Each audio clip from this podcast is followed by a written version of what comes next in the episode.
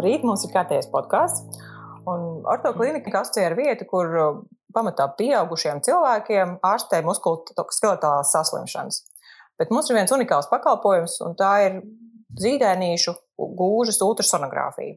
Un par to, kādēļ viņi ir jāveic, ko šajos izmeklējumos uh, var redzēt, cik agrā vecumā viņi ir jāveic. Par to arī mēs šodien runāsim ar Ilzi Cīrulu Lisek, kas ir mūsu radioloģa diagnostorto klinikā, un viņa arī tā, kas ir ieviesusi šo izmeklējumu mūsu pakalpojumu klāstā. Labdien, Ilze! Sveiki, Džona! Sveiki, Jā. klausītāji! Prieks pievienoties jums! Man arī prieks! Jautājums, laikam, ir jāsāk no, no tās puses, kādēļ tik maziņam, tikko dzimušam cilvēciņam, burtiski dažas nedēļas, ir vērts veikt ultrasonogrāfiju gūžām? Ko tur var ieraudzīt? Kas... Nu, galvenais jautājums mums ir par gūžu displāziju, kas ir attīstības traucējums. Un, jo mazāks bērniņš, jo viņam nav notikusi pārkaulošanās, un lielākā daļa kaula ir kā skrimšļaudi. Un šo mēs ļoti labi redzam sonogrāfijā. Kauls mēs sonogrāfiski nevaram izmeklēt, bet skrimšus mēs ļoti precīzi varam izvērtēt. Un tāpēc pēc iespējas ātrāk būtu jāveic šis izmeklējums. Displāzija. Ko, ko tas nozīmē? Kas tā ir par saslimšanu? Nu, korekti mēs to varētu nosaukt par gūžu locītavas attīstības traucējumu. Un tas ietver gan nelielas locītavas izmaiņas, um, gūžlocītavas nestabilitāti, pamežģījumus, pilnus mežģījumus. Tas ir ļoti plašs spektrs. Un to paliek zem viena tā displāzijas vārda, un tad mēs ar šo izmeklējumu, ar sonogrāfiju precizējam, kāds tips ir, un pēc tā tipa pasaka to bojājuma smagumu, un tas tālāk atkal nosaka ārstēšanas taktiku. Tas var attīstīties bērnam esot vēl puncī, gan dzimšanas laikā, gan arī pirmās dienas, nedēļas, pirmos mēnešus pēc dzimšanas. Tā ir kaut kāda nepareiza guļa, vai kas, kādēļ vispār veidojas? Ir uh, divas galvenās teorijas. Viena ir mehāniskā teorija. Gūžu locītavu mēs varētu salīdzināt, ja mēs plaukstā ieliktu plaukstas lielumu bumbu. Tātad bumba būtu augstilba kaula galviņa, un mūsu plauksta būtu tā iedobe, iegurņu kaula. Un pareizs attīstības pamatā ir, ka šī bumbiņa spiežas plaukstas centrā pamatā. Un arī mēs, ja atvērtu bumbu, mēs viņu ļoti stabili un ērti varētu noturēt. Un šis spiediens veido pareizu gūžu. Bet, ja šis spiediens, piemēram, ja šī bumbiņa spiest uz pirkstiem, kas būtu uz locītavas malu, tad tā bumbiņa mums kristu ārā no rokām, un mēs nespētu viņu tik stingri noturēt. Un tas līdzīgi strādā arī zīdaiņu gūžās. Tā ir galvenai jābūt savā vietā un jāspiež uz noteiktu virzienu. Un, ja šis notiek, tad gūža attīstās pareizi. Bet, ja, piemēram, ir augļa tūpļa guļa, ja ir um, daudz augļu grūtniecība, ir mazāk augļūdeņa, ir liels auglis, viņam mātes puncī ir jāiekārtojas, kā viņš tur var iekārtoties. Viņš nevar atlaisties, saliekt sev smuku kaiņus un dzīvoties. Jā. Jā. Un, un šīs pozīcijas tātad maina šo galviņas pozīciju pret ieguņu kauliem. Un tas veicina šo displāziju.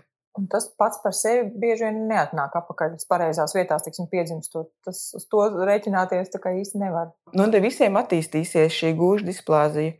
Jo nu, nav jau noteikts, nu, mēs nezinām vēl, cik ilgi tai guļā ir jābūt cik oh, ilgi pēc kārtas un tā. Nu, bojāt, nu, to jā. mēs nevaram pateikt visiem, kam būs tūpļa guļa, nav gūžu displāzija.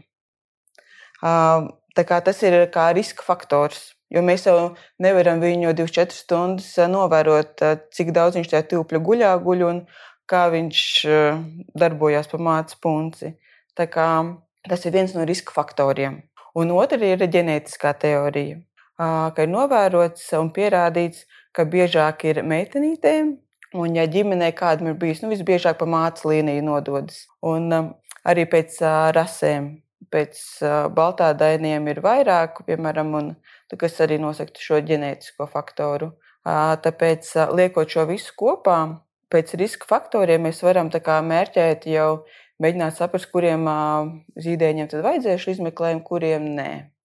Vizuāli to arī var noteikt. Nu, es saprotu, ka kaut kā ļoti tā, tā deformācija ir labi redzama, jā, bet vai vispār vizuāli to parasti arī var noteikt, ka tur ir kaut kāds aizdoms, vai tas nebūtu nu? Nav? Pēdējā pētījumi rāda, ka tas, ko mēs klīniski varētu redzēt, ir 50%.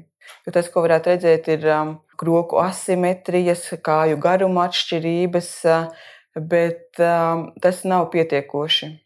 Un nevajag arī visiem vecākiem satraukties, kuriem ir roku asimetrijas uzreiz jāskrien, un tur man bērnam ir gūža displāzija. Tas nepavisam to nenozīmē. Tas nākamais jautājums būtu, kam tad veikt šo izmeklējumu? Jo šis jautājums ir visā pasaulē aktuāls. Piemēram, Austrijā, Vācijā, Šveicē, Čehijā viņiem visiem bērniem nu, lielākoties otrajā dzīves dienā veids sonogrāfiju gūžām. Un viņi neskatās pēc riska faktoriem, pēc ģenētikas. Un šeit, protams, ir ļoti labi rezultāti. Un pēc šiem rezultātiem arī skatās to, cik klīniski ir palaists garām un cik nē. Otra daļa ir, kas veids selektīvu skrīningu. Tas kā? Tas ir nu, vadoties pēc riska faktoriem. Tā tad jums bija tūpļa guļa, jums ir pirmā grūtniecība, jūs gaidat meitiņu, un vēl mātē bija. Nu, tad jums ir noteikti jāveic šis izmeklējums. Šis ir selektīvs. Bet tā kā grūtniecība noritējusi labi, jums ir otrais puisīts, nekāda sūdzība nav. Dzīvojat, jā. jā. Šis ir selektīvais. Kādi tur ir plusi, mīnusi? Piemēram, selektīvais skrīnings ir um, Austrālijā. Un Austrāļi ziņo, ka šis skrīnings nav pietiekams, ka tiek palaists garām nozīmīgs skaits attīstības traucējumu gūžlocītavās. Tā kā tas, uz ko vajadzētu tiekties, ir, ka šo skrīningu veids visiem. Un trešais, nu, kas jau ir pierādījis, ka nav efektīvs, ir šis klīniskais skrīnings, ka bērnu izmeklē tikai klīniski. Un, Vienkārši apskatot. Apskatot, jā, jā. tās krokas, veicot manevrus ar gūžu locītavām, pastāstīt, cik stabili, nestabili ir gūžu locītava, un ar to arī pietiek. Bet tā, tas ir pierādīts, ka tā precizitāte ir salīdzinoši zema. Kā ir Latvijā? Kurš modelis mums ir? Latvijā mums ir selektīvs. Jā, kāda ir tā statistika? Cik lielam daudzumam bērnu vai cik, cik, cik bieži ir sastopama šī displāzija? Mm. Nu, kā teicu, mūsu valstī nav šis skrīnings, tāpēc statistika nav ļoti korekta. Bet tas paredzamais ir, ka Latvijā ir viena, viena displāzija uz tūkstotis jaundzimušajiem. Bet valstīs, kur ir šis skrīnings visiem bērniem, šo patoloģiju atklāja 5 līdz 7 tūkstotis bērniem. Tā kā salīdzinot šos datus, mēs varētu secināt, ka kaut ko mēs palaidām garām. Ir daļa dzīdēnīšu, kuriem ir kaut kādām nu, pazīmēm, viņus tomēr sūta uz valsts apmaksātu to skrīningu. Tā ir taisnība. Jā, jā, jā, tieši tā. Šis izmeklējums ir pieejams gan valsts slimnīcās, gan privātās klinikās. Protams, tas viss ir lielākoties atkarīgs no šī bojājuma pakāpes, jeb smaguma. Ir mežģītis gūš, ka kalu galvu, viņa nestāv nemaz savā vietā, un to jau ļoti ātri, pat bērnu vecumā jau veidojas klibošanā, tiek traucēta fiziska attīstība, nu to uzreiz pamana. Bet, ja šis izmaiņas ir nelielas, tad um, pusauģu, kā jauniešu vecumā veidojas um, artroze gūšu locītavā.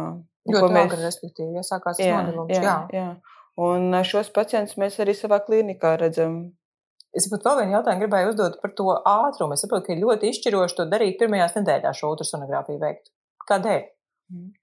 Kā jau mēs sarunas sākumā runājām par šiem skrimšiem un kauliem, šī pārkaulošanās strauji notiek līdz 12. dzīves nedēļai. Bet, protams, tas līdz pubertātei vēl turpinās, bet tas pirmais straujais kāpums, šī pārkalošanās lieknes kāpums, notiek līdz 12. nedēļai. Tā ir būtībā trīs mēneši. Trīs mēneši, jā. jā. 18. gadā pasaules gūžu displāzi interesētās valstis un profesori apvienojās, kur viens no šī sanākuma secinājumiem bija, ka šīs izmeklējums jāveic līdz sastajai nedēļai. Pat vēl agrāk. Jā, jā līdz sastā nedēļa ir tā kā. Zinās, jā, pareizi, sastā jā. nedēļa būtu tas beidzamais pieļaujamais, lai pēc tam būtu ļoti veiksmīgi ārstēšanas rezultāti. galvenais ziņojums ir pēc iespējas ātrāk, jo mums ir laiks, lai šo skrimsli ar salīdzinoši vienkāršām metodēm izveidotu korektu. Es saprotu, ka Latvijā ir tā problēma, ka cilvēks ar šo savu norīkojumu ārstu, viņš bieži vien netiek līdz tai sastajai nedēļai pie ārsta. Un tas, laikam, saprotu, bija viens no tiem iemesliem, kādēļ, kādēļ bija tā doma, ka dot cilvēkiem to iespēju arī ar to klinikā, ka to, nu, veikt šo izmeklējumu, ko varbūt var veikt daudz ātrāk nekā, nekā līdz galējam brīdim gaidot taisnība. Jā, nu galvenā problēma, ka mums valstī nav ieviešas skrīnings. Tāpēc um, ar šiem nosūtījumiem pacients stāv rindā, kas ir kopējā sonogrāfijas rinda ar visiem pārējiem izmeklējumiem. Viņam nav zaļās gaismas, ne priekšrocības. Un, tāpēc valsts slimnīcā rindas ir, nu, šis pieprasījums ir liels un laiks iet, un uz izmeklējumu tiek. Tad, kad tiek. Tad, kad tiek. Kā ir pie mums, ortoklinikā, ko mēs piedāvājam? Vai nepieciešams ārstu norīkojums, lai pie mums tiktu uz šo izmeklējumu gūžu sonogrāfiju bērnam dzīvē? Jā. Nu, sonogrāfija ir ļoti nekaitīga. Ne vecākiem, ne bērniem, nevienam pārts nenodara. Tāpēc nu, nosacījums nav simtprocentīgi obligāts, bet ļoti vēlams. Norīkojums vai norīkojums? norīkojums jā. Mm. Bet arī, ja nebūs norīkojums, mēs noteikti pastīsimies zīdēni, jo, saku, tas nav kā rengens vai kāds cits izmeklējums, kas Tur mums varētu. Apstarošana. Nav apstarošana, nekas, ka Tas ir vispiemērotākais izmeklējums. Kāda ir cena tā izmeklējuma? Mūsu klinikā ir maksas pakalpojums, mūsu valsts kvota šeit nav. Izmeklējums maksā 35 eiro.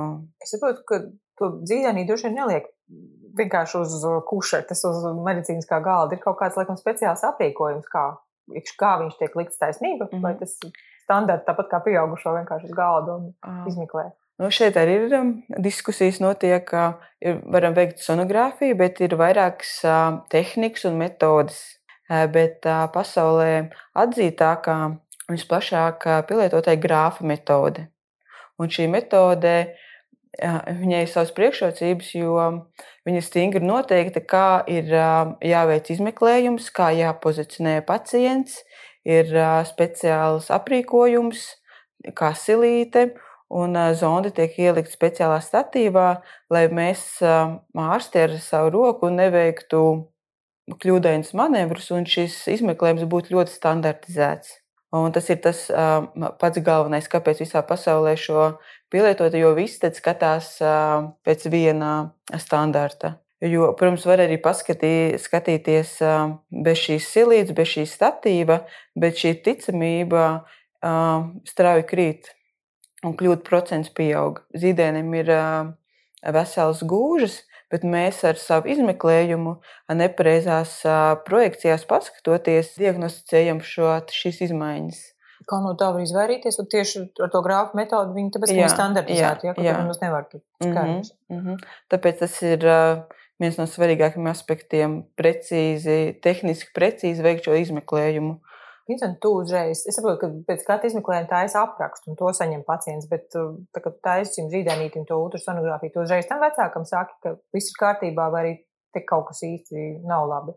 Izmeklējuma laikā mēs apskatām gūšu locītavu, šo gūšu um, augštilba kaulu galviņu, iedobi, locītavas kapsulu, tos apkārtējos skrimšus un mīkstos audus, un ar aci mēs jau redzam, kur ir patoloģija, kur nav.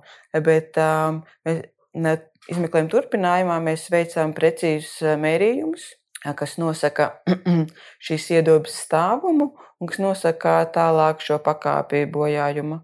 Un vecākiem es dodu ziņu tikai, kad es esmu izmērījis visu, un es varu tā pilnīgi droši pateikt, droši pateikt um, ka viss ir kārtībā, un arī, ja nav kas kārtībā, tad pateikt, cik liels ir tās izmaiņas. Kādēļ tu pati pievērsies, kādēļ tu izvēlējies nodarboties ar zīdēnīšu ultrasonogrāfiju, jo tu jau arī veic pieaugušu cilvēku dažādu locīto ultrasonogrāfiju, kādēļ zīdēnīšu? Nu, pēc uh, pasaules pieredzes. Uh, nu, mazākais mērķis, kas būtu, mums būtu jāievieš valstī skrīnings. Uh, visiem zīdēnīšiem. Visiem zīdēnīšiem. Bet nu, mums priekšā liels darbs ir, bet uh, mērķis ir skaidrs. Palīdzēt mūsu mazulīšiem Augstu veselē. Man liekas, liels paldies tev par informāciju. Es ceru, ka viņi nonāk dzirdīgās ausīs. Paldies tev liels! paldies!